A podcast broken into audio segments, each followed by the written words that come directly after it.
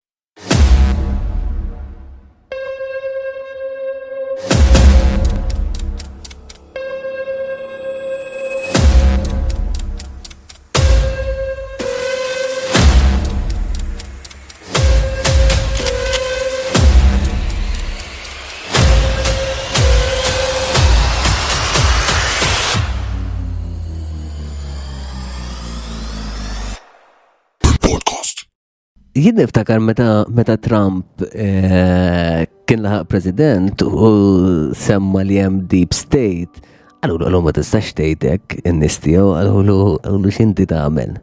U meta staqsew għallu il-ġurnalisti għallu isma' għallu ma mbagħad għalfejn edħal lin-nies it-truppi tiegħek fis-Sirja. Għallhom mhux ħabba żejt. Kulħadd qabeż fuq, għallu le, għallu ma tistax tgħidek. Għallu eh, li trid tgħid minħabba l-libertà u biex ngħinu lin-nies, għallu għallu ma jekk din hemmhekk ħabba żejt, għallu kif kif ħanejt ċaġora, speċi mhux kulħadd jaf. Illi aħna hemmhekk qegħdin ħabba żejt mhux kważi kważi kull pajjiż jaf.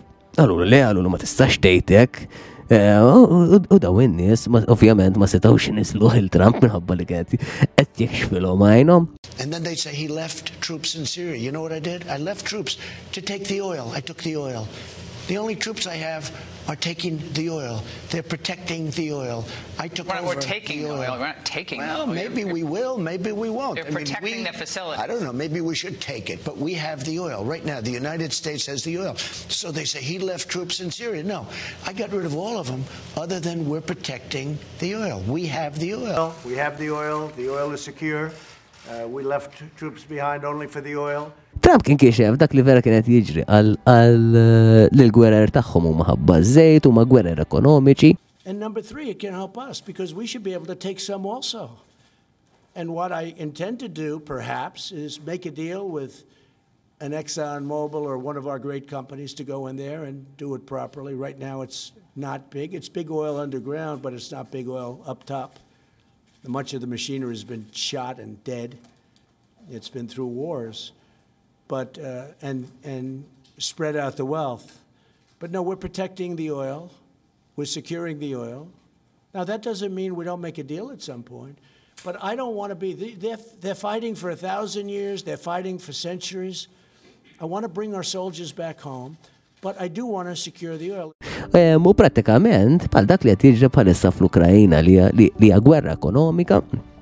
li l-Amerika qegħdin jippruvaw jiżolaw l-Russja. Meta inti tibża mir-Russja u r-risorsi tagħha u l-manpower meta jiġu fl-imkien mal-Ġermanja eh, bit-teknoloġija u l-kapital li għandhom dawn il-pajjiżi, l-unika option oħra illi kellhom l-Amerikani kien li kisru Nord Stream pipeline. The sabotage is the cause of leaks in the Nord Stream gas pipelines connecting Russia to Europe. The undersea pipelines Nord Stream 1 and 2 link Russia and Germany. Three red dots mark the places where leaks were detected. Even though the pipelines are not currently delivering Russian gas to Europe, there's still fuel in the pipes. Researchers said they had detected possible explosions in the area where the leaks were observed. As, as, as far as we can tell, uh, there is nothing uh, natural naturally occurring that that could explain these. Uh, the exact source of them is, is of course a bit hard for us us to speculate about. Um, if these really are explosions, which we find highly likely, uh, then of course they're man-made somehow. U dan u għalek li l-gwerra l-lum il-ġurnata fl-Ukrajina da tkompli s-seħ u n-nis mandomx ideja ta' dak li qed jiġri. Laqwa li tellaw profile picture bil-bandiera tal-ġerma aw tal-Ukrajina. Dik dik bezzani ħafna, eh? imma ovvjament in-narrattiva tal-medja tal-ponent il-li fl-axħar mill-axħar U aħna issa din red listed ġol-lista ta' Russja, ġifieri importanti li nsemmuha. Ehm, eh, meta l-Ġermanja xi nis jinsew, meta inti l-Ġermanja kienet maqsuma fit-tieni gwerra dinija eh, u kienet imħalla terġa' tingħaqad, il-promis tan-NATO kien illi li tat eh, l-Russja, il-promis tagħha li tat l-Russja kien li ma kienu se jespandu So was anything really promised? And why is that such a crucial point for Russia?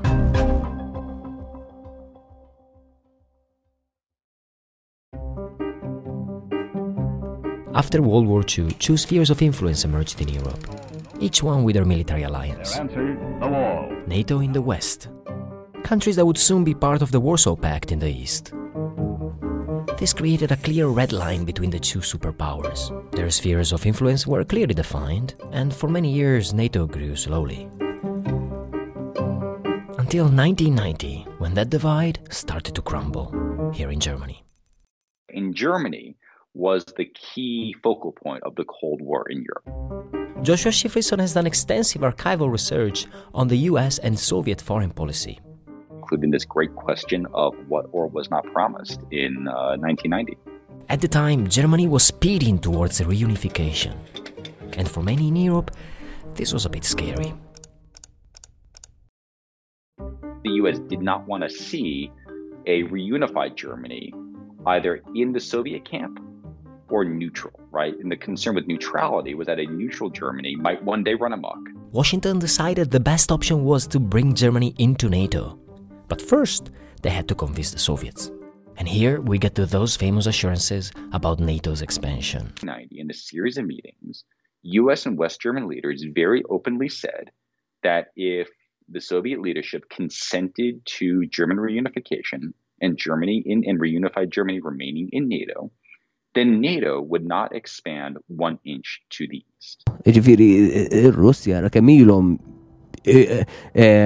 illi il-NATO kienet ila li kisret il-kontrat ħanejtek li mux se jespandu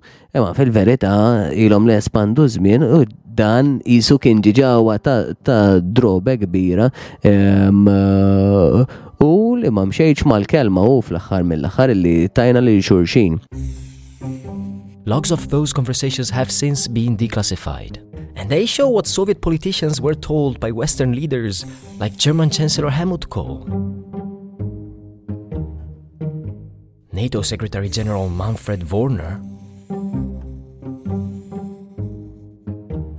and the famous words by US Secretary of State James Baker not one inch to the east. So, what happened to NATO after Germany unified? Pero dan, ovvjament, ma kienx seħ, infatti, zdidu l-fuq minn 13 il-pajis ieħor eh, membru man NATO. In 1999, the Czech Republic, Hungary, and Poland joined NATO. In 2004, it was the Baltic states and four other countries. And finally, four more from 2009 to just a few years ago.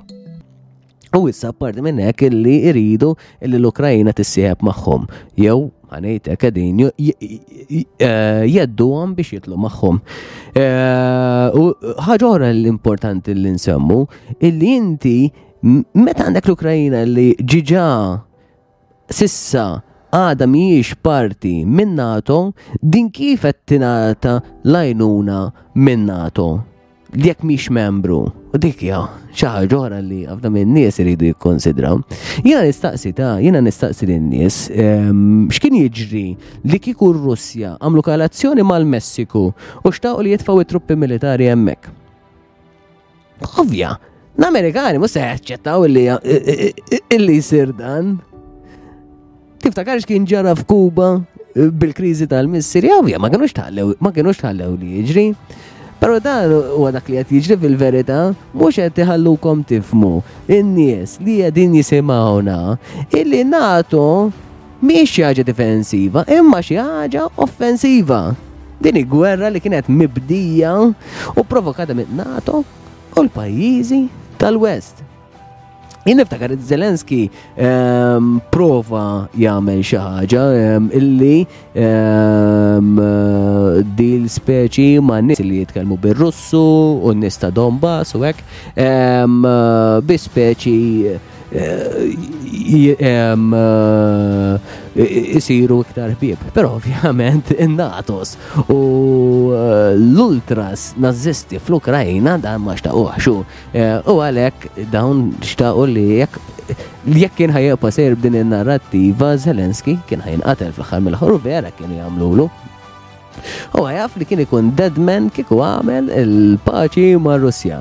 Ehm, infatti, tajb li nsemmu, illi fittu ta' eh, f'Marzu, f'Marzu, ehm, eh, meta kellhom it-trattat ta' paċi f'Marzu, emmek fejn Boris Johnson, il-grazzja li bella l-arriva kien, kien tena l-Ukrajina u qatel dan it-trattat u stess.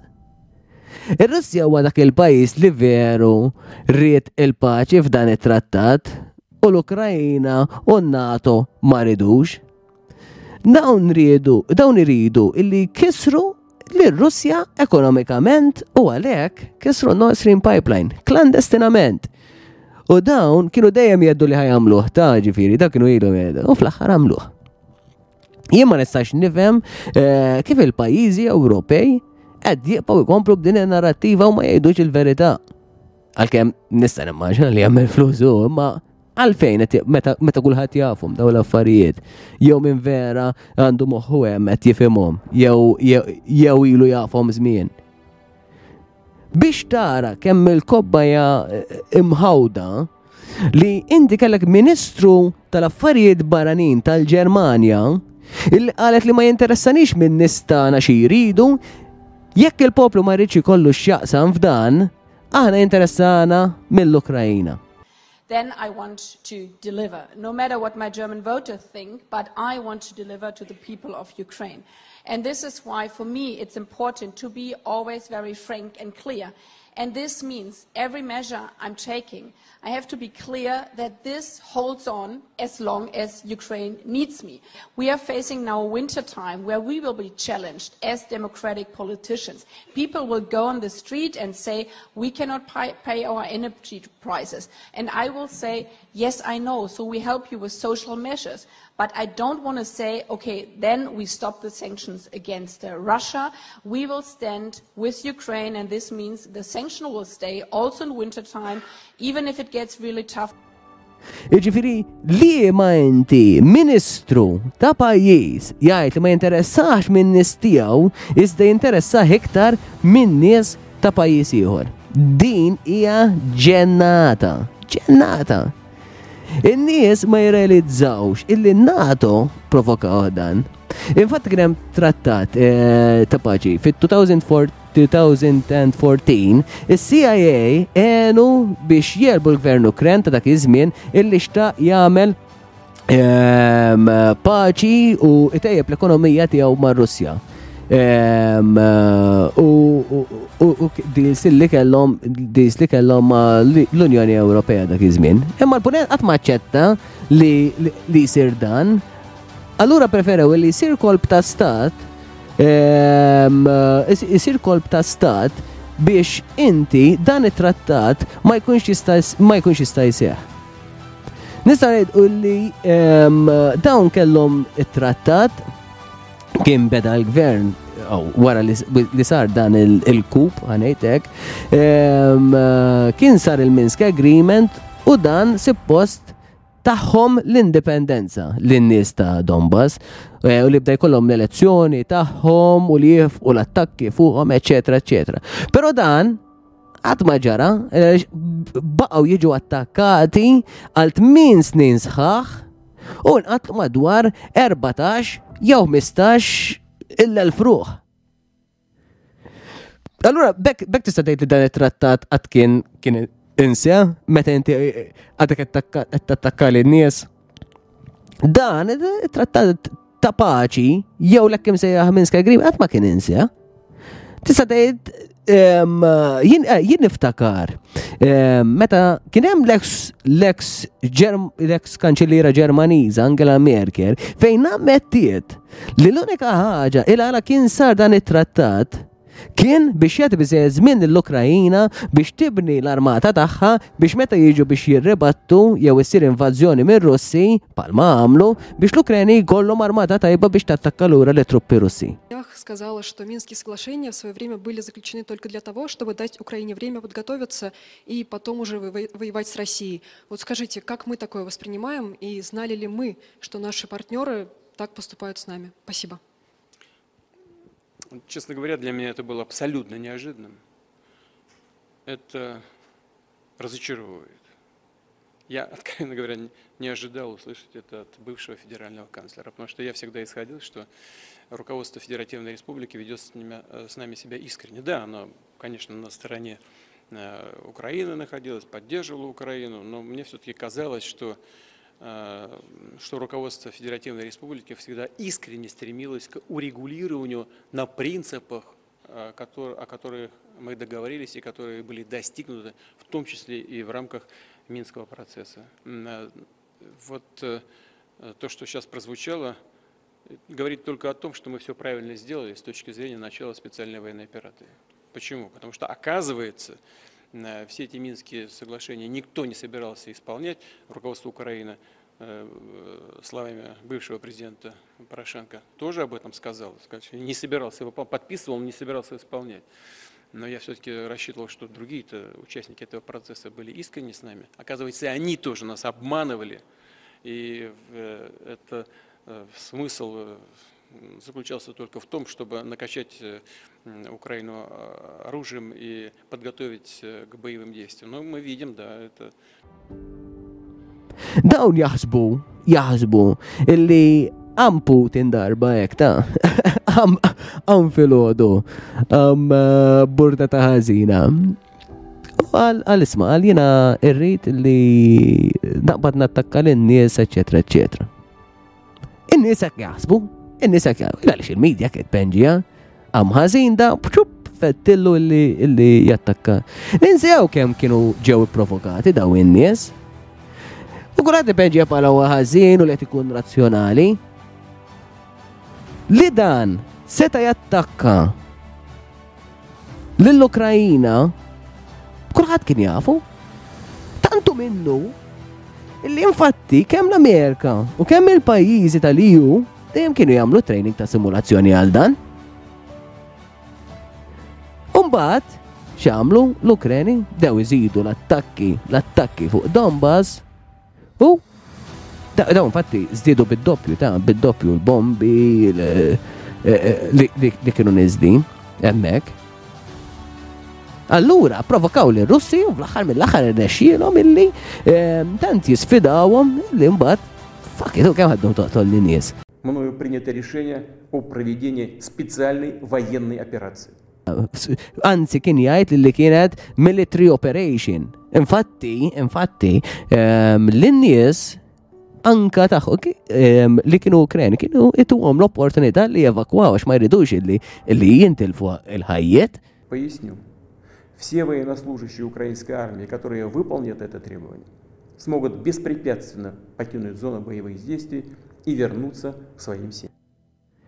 Ir-Russi, eh, mhux ovvja, inti għandek illi r-Russja kienet tkun iktar utli għalija illi jkun hemm il-Minsk Agreement insel għaliex daw anke ekonomikament u ma kienux ser jgħaddu mill-affarijiet li għaddejjin issa. Imma inti jekk qegħdin joqtlulek in-nies. X'tagħmel? X'tagħmel? Ħallija tax il-gvern tagħna il-gvernijiet illum ibeħħuk ta' illum ibeħħuk. Imma daw baqgħu bil-prinċipju. Dej которые на протяжении 8 лет подвергаются издевательствам, геноциду со стороны киевского режима.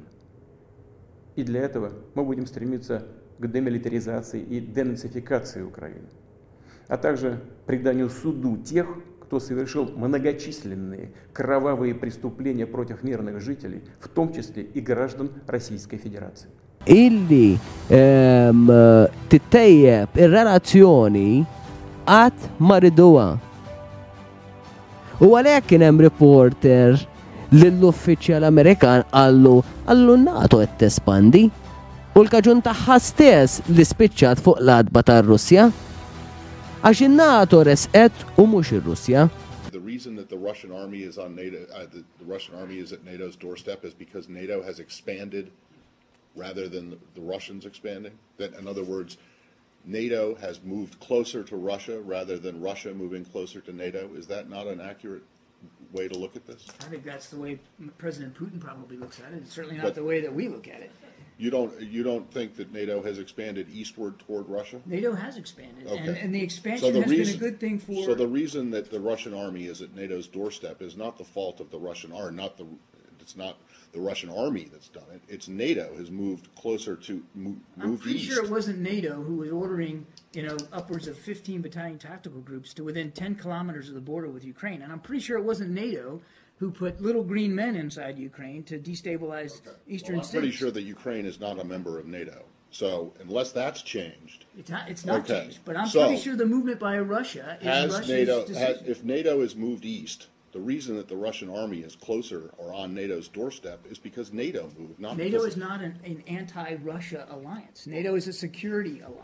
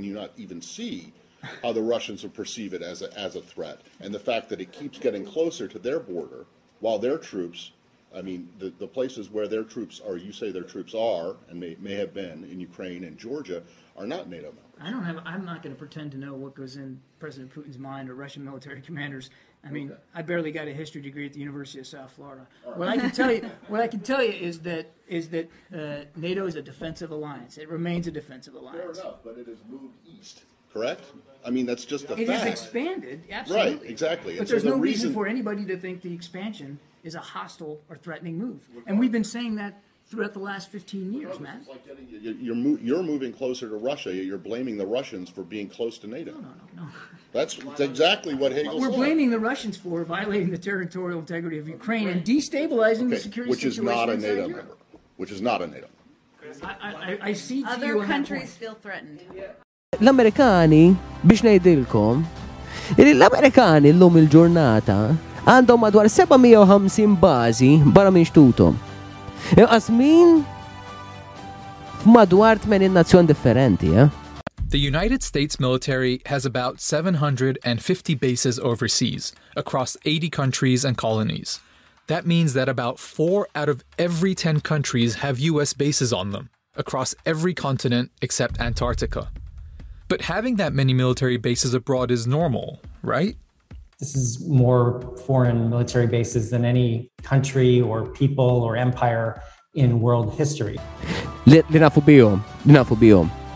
l-Ingilterra, għandhom 145, In russja li kull manda tlieta u iċ-Ċina li għandha ħamsa.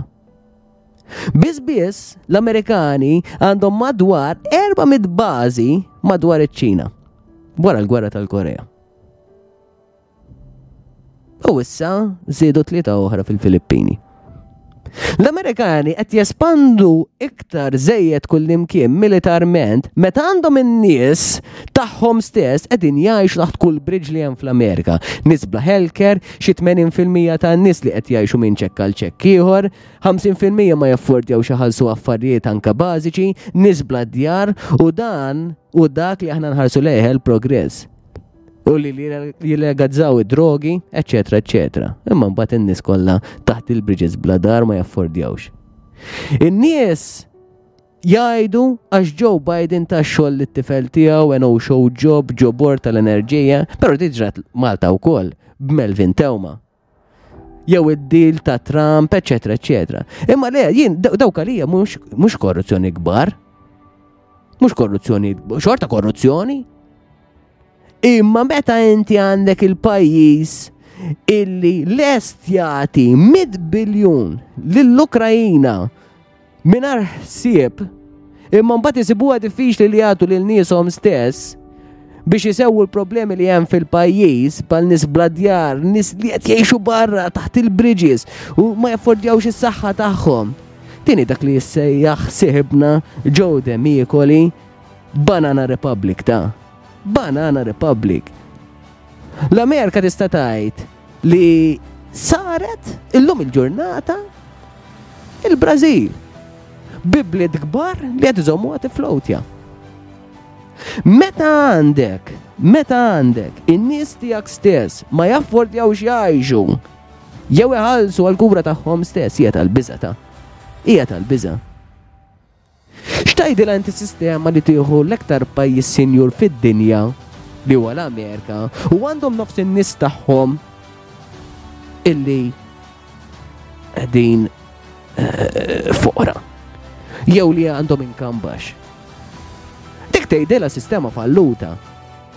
U hemmhekk fejn dawn qed jgħixu Hemmhekk għandek nies bħall-oppożizzjoni bħal Bernie Sanders u nies fil-politika, b'saħħa qawwija fuq is-social media, following kbir, following kbir.